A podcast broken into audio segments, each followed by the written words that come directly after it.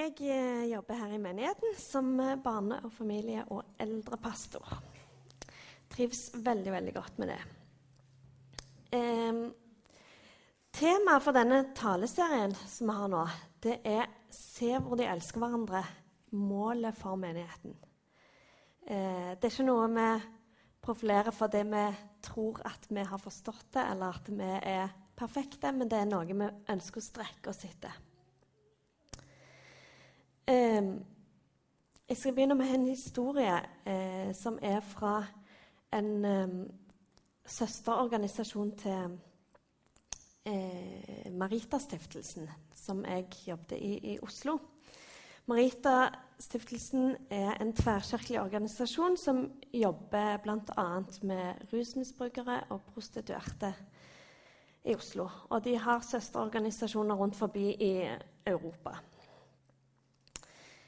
Så Natasha hun var født i Tsjernobyl, i en fattig familie. Eh, og pga. ulykken som skjedde i Tsjernobyl, så måtte hun flytte til Minsk. Og Der begynte hun på skole, og hun ble mobba. Hun ble mobba fordi hun kom fra en fattig familie. Hun ble mobba fordi hun kom fra Tsjernobyl. Og hun ble kalt eh, Tsjernobyl-rotta. Og smerten av eh, bl.a. denne mobbingen ble så stor for henne at eh, etter hvert så begynte hun å ruse seg på alkohol. Hun drakk for å døyve smerten av denne mobbingen. Og etter hvert som hun ble eldre, så begynte hun å vanke på diskotek og nattklubber. Eh, og fant et miljø, en gjeng, på disse nattklubbene. Som eh, de sammen begynte å ruse seg på amfetamin. Men hun opplevde for første gang at hun hadde et fellesskap. At hun hadde noen som på en måte tok vare på henne. De tok vare på hverandre på, på en måte, samtidig som de ruste seg sammen. Men eh, all rusen førte hun bare nærmere stupet. Hun var nede i 40 kilo veide hun en periode. Og så skjedde det at hun ble gravid. Hun prøvde alt hun kunne å holde seg rusfri under graviditeten, men hun sprakk flere ganger. Og Dattera blir født med en hjertefeil. Og etter fødselen så fortsetter hun å ruse seg på stadig sterkere stoffer, på heroin og det hun fikk tak i. Og hun drev med kriminalitet for å skaffe penger og stoff. Og på dette tidspunktet så hadde hennes mor overtatt ansvar for dattera. Så hun gikk med en eh, vond følelse av at det var ingen som hadde bruk for henne. Hun var ikke til nytte, hun var ikke noe for noen. Um, og en dag um, så fikk livet hennes en ny vri. Fordi mora hennes begynte å gå i en menighet og ble kristen. Og I denne menigheten så fikk hun høre om en kristen rehabiliteringsplass. Og det endte med at Natasha hun får plass på denne kristne rehabiliteringen. Og etter to dager kun så blir Natasha kristen. Og hun forteller sjøl at det, hele livet hennes blir snudd helt på hodet. Hun sier at hodet mitt ble helt totalt forvandla. Tankesettet, alt begynte å endre seg. Hun begynte å tenke på hva Gud skulle bruke henne til, hva, hva slags tjeneste hun skulle ha. Eh, hun begynte å be veldig mye for dattera si, som hadde denne hjertefeilen. Og eh, ba om å få en, en ektemann som hun kunne gifte seg med. Og det forandra forholdet til mora, det forandra forholdet til dattera. Hun bare opplevde en helt radikal forandring i sitt liv.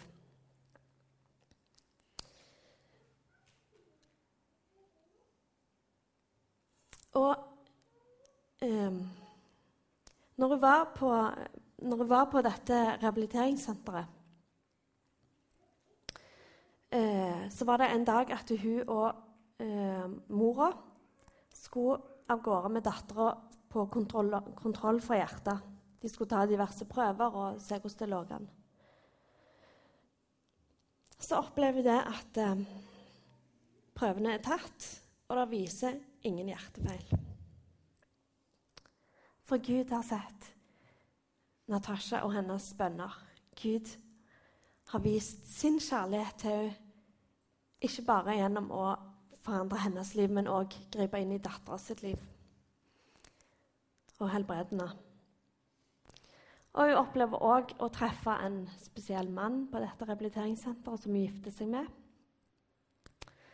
Som òg er svar på bønner. Og de gifter seg og kjøper hus. Og pga. alt det som de har opplevd, pga. all den kjærligheten som de har opplevd fra Gud, eh, så bare kjenner de at de må gi dette videre.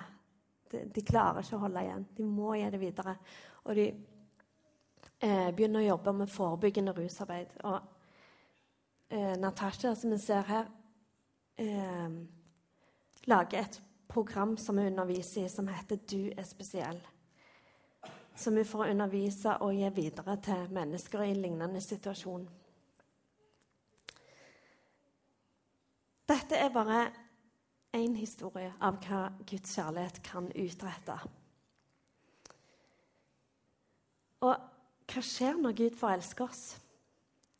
Hva skjer når vi får den opplevelsen av at Gud elsker oss? For Jeg, jeg har ofte gått sjøl med følelsen av at jeg, ja, Gud elsker jo alle mennesker, men det er ting ved meg som jeg tror han ikke elsker. Jeg tror ikke, jeg tror ikke den fullkomne kjærligheten hans gjelder for meg. For det er så mye ved meg som er feil, som ikke er bra.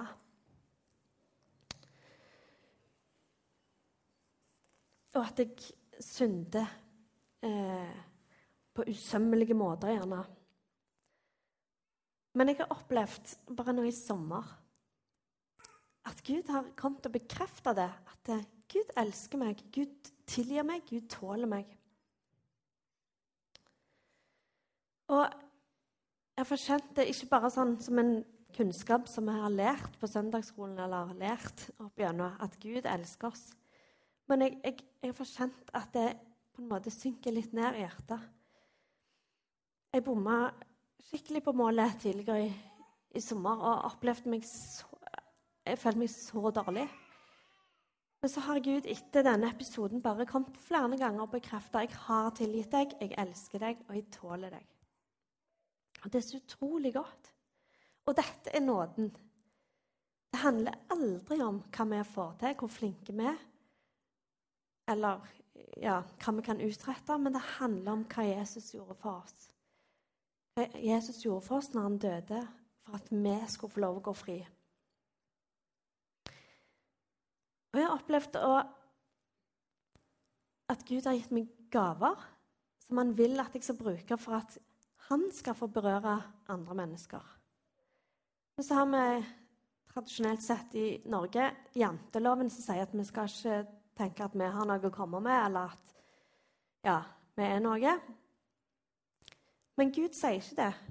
For Gud gir oss alle sammen gaver som han ønsker at vi skal bruke for andre, for at han skal få berøre andre mennesker.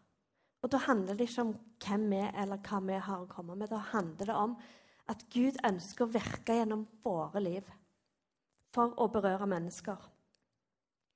Fordi han elsker absolutt alle mennesker så utrolig høyt.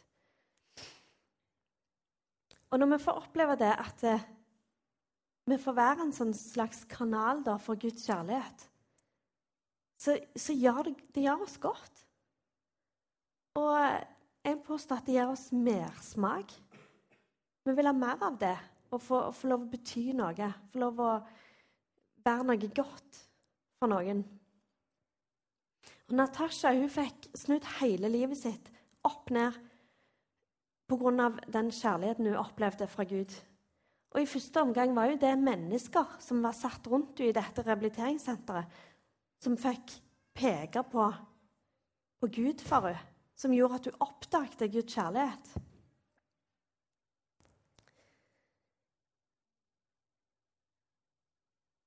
Jeg tror dette med, med kjærligheten er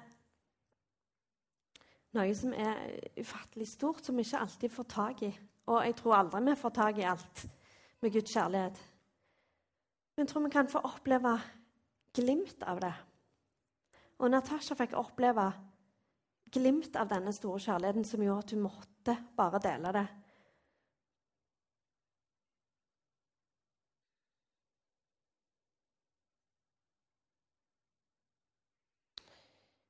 Og Gud elsker nemlig alle mennesker, og det er derfor han vil at, at vi skal være gode mot hverandre. Fordi han elsker de vi har rundt oss, han elsker oss. Og derfor vil han så gjerne at vi skal elske òg de vi har rundt.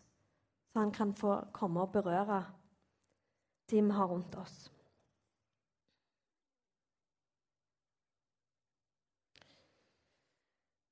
Gud vil vi skal vise nestekjærlighet. Men hvis dere opplever det som jeg av og til, så blir det mer sånn nesten-kjærlighet. For jeg tror ofte vi er litt reserverte, eller vi, vi, er gjerne redde for å involvere oss i andre mennesker. Vi er redde for å bli en del av andre menneskers liv som vi ikke hadde tenkt eller planlagt. Kanskje tenker vi at vi har, vi har nok med det vi holder på med.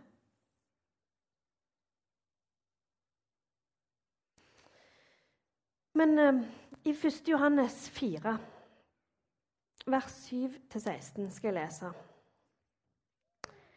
Mine kjære, la oss elske hverandre. For kjærligheten er fra Gud, og den som elsker, er født av Gud og kjenner Gud. Den som ikke elsker, har aldri kjent Gud, for Gud er kjærlighet. Og Guds kjærlighet ble åpenbart blant oss da han sendte sin enbårne sønn til verden for at vi skulle ha liv ved han. Kjærligheten er ikke det at vi har elsket Gud, men at han har elsket oss og sendt sin sønn til soning for våre synder. Mine kjære, har Gud elsket oss slik, da skylder også vi å elske hverandre. Ingen har noen gang sett Gud, men dersom vi elsker hverandre, blir Gud i oss, og hans kjærlighet er fullendt i oss. At vi blir i ham og han i oss, det vet vi fordi han har gitt oss av sin ånd. Vi har sett og vitner om at Faderen har sendt Sønnen som verdens frelser. Og den som bekjenner at Jesus er Guds sønn, i ham blir Gud, og han selv blir Gud. Vi har lært å kjenne den kjærlighet Gud har til oss, og vi har trodd på den. Gud er kjærlighet, og den som blir i kjærligheten, blir i Gud og Gud i han. Dette er fantastiske ord. Samtidig som jeg kjenner at det er kraftig kost. Og på en måte sier det mye godt eh, om at Gud er kjærlighet, og at når vi elsker, så er Gud i oss. Men så sier det radikalt på den andre måten hvis vi ikke elsker, så har vi aldri kjent Gud. Så kjærligheten er en vanvittig viktig del av den kristne troa. Og Paulus skriver at det størst av alt er kjærligheten.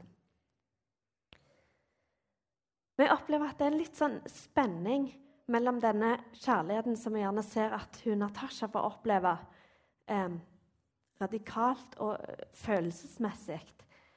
At hun bare som omtrent nyforelska bare må dele videre. Og at det, det, skjer liksom bare helt naturlig.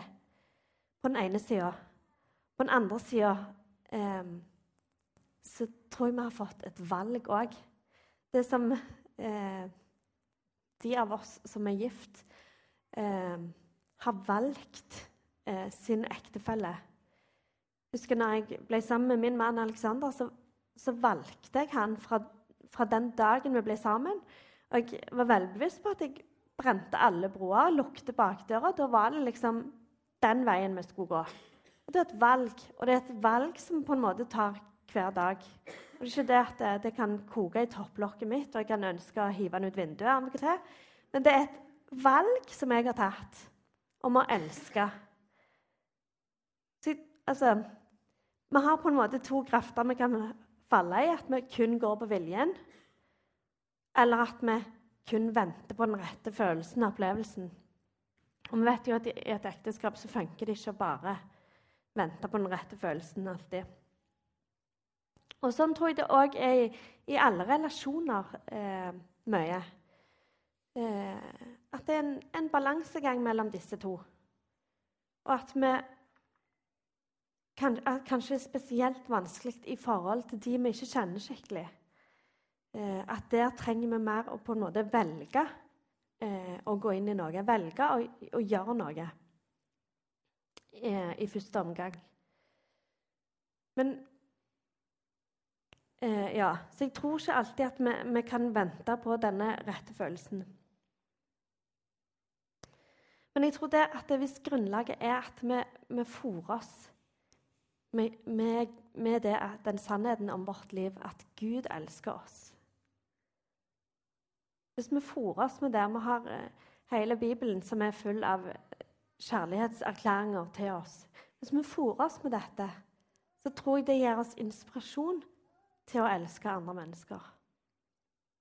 Da tror jeg det går litt lettere.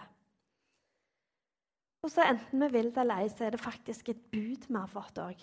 Det står i Johannes 13, 34-35. Et nytt bud gir jeg dere. Dere skal elske hverandre. Som jeg har elsket dere, skal dere elske hverandre. Har dere kjærlighet til hverandre, da skal alle kunne se at dere er mine disipler, sier Jesus. Og det er òg ganske voldsomme ord. At hvis vi elsker hverandre, så vil folk merke at vi er Jesu disipler, står der. Jeg tror vi som mennesker har noen enkle mekanismer. Og jeg tror det at Opplever vi at vi er elska og godtatt og tålt, så er det lett, eller i hvert fall lettere for oss, å elske andre og tåle andre og godta andre. Men hvis vi opplever det motsatte, at vi ikke er elska, så er det gjerne òg vanskelig å elske og være gode mot de rundt oss.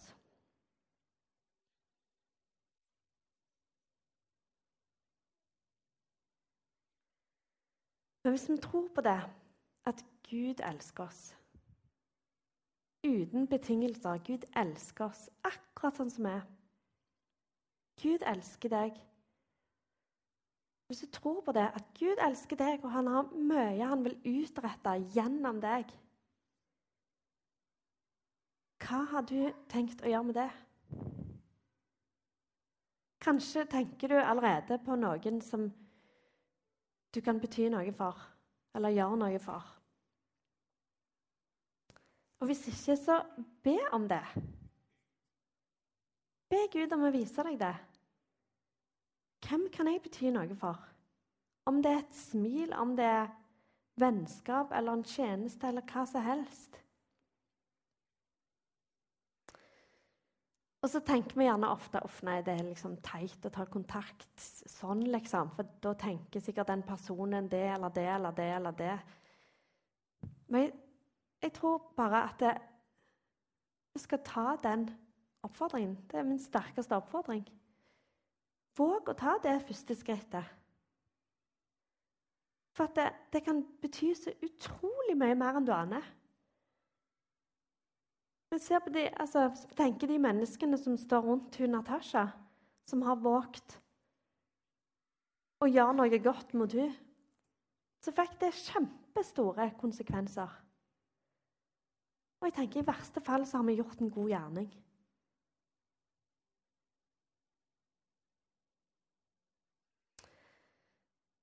Så hva er vi redde for? Er det det at vi er redde for å bli involvert i andre sitt liv? Redde for at noen trenger oss, kanskje? Jeg vet ikke. Men Jesus sier det at det, som vi gjør mot en av hans minste, det gjør vi mot han sjøl. Og på en måte hadde det vært fryktelig enkelt for oss hvis Jesus kom her inn i egen skikkelse Hvem hadde ikke gjort alt de kunne for at han skulle ha det bra, for å inkludere han i fellesskapet, gi han mat og alt det han trengte? Og så sier han det at det, det som vi gjør mot andre, det gjør vi faktisk mot han.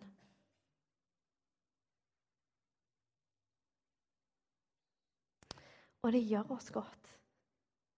Det gjør oss godt å få være gode mot andre.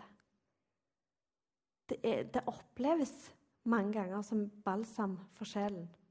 Av og til er det kanskje tungt, men i det store og det hele så tror jeg vi opplever at det gjør oss godt.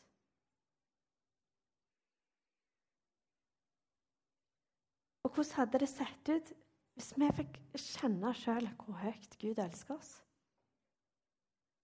Hvis vi fikk den opplevelsen Og hvis vi forsto hvor mye Gud vil utrette gjennom våre liv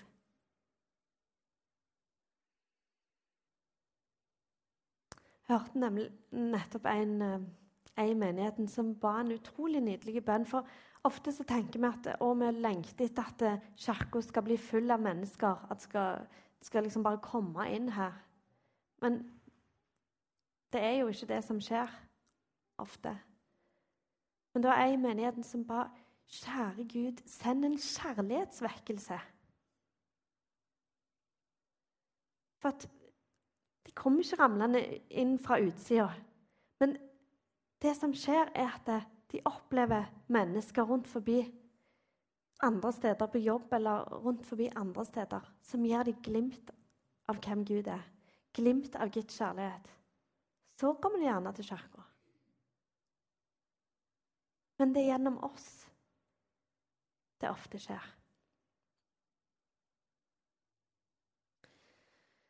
Og dette med å elske, det innebærer jo òg tilgivelse.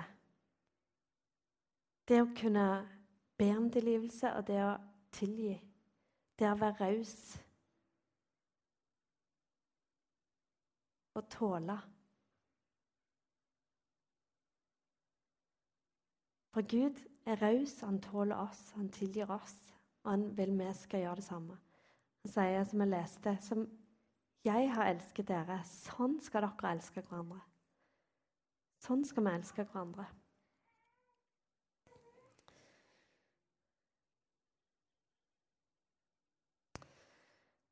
Og som jeg leste Jeg vil avslutte med det ene siste verset her. Eh, har dere kjærlighet til hverandre, da skal alle kunne se at dere er mine disipler. Så derfor tar vi opp det her temaet. Se hvor de elsker hverandre. Det er målet for menigheten. For da ser alle at vi er Jesu disipler. Skal vi be. Far, jeg takker deg for den grenseløse kjærligheten du har vist oss, Herre. Gjennom det som Jesus gjorde for oss på korset. Jeg takker deg, Gud, for at du elsker oss, og du tåler oss. Du tilgir oss. Og jeg takker deg for at du gir oss gaver, personlighet og evner for at vi skal få lov å bety en forskjell, for at du skal få lov å virke gjennom oss til godhet og oppmuntring og trøst, Herre, til alle som trenger det. Så jeg ber Herre om at du taler til oss nå. Vis oss personer, vis oss eh, mennesker rundt oss som trenger en berøring av deg, Herre. Som du vil at, at vi skal ta kontakt med Gud. Og jeg ber om at du hjelper oss til ikke utsette dette, her, men til å bruke anledningen her og nå. Til å bruke kirkekaffen og dagen i dag, Gud. Til å vise din kjærlighet.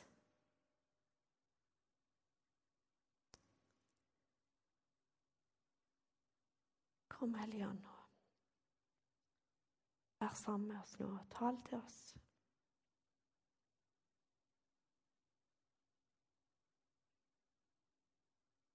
Og jeg ber om at du, hvis det er noen her som skjønner at det, de ikke tror at du elsker dem, Gud, så ber jeg om at du skal komme og bekrefte det her og nå. At du elsker dem.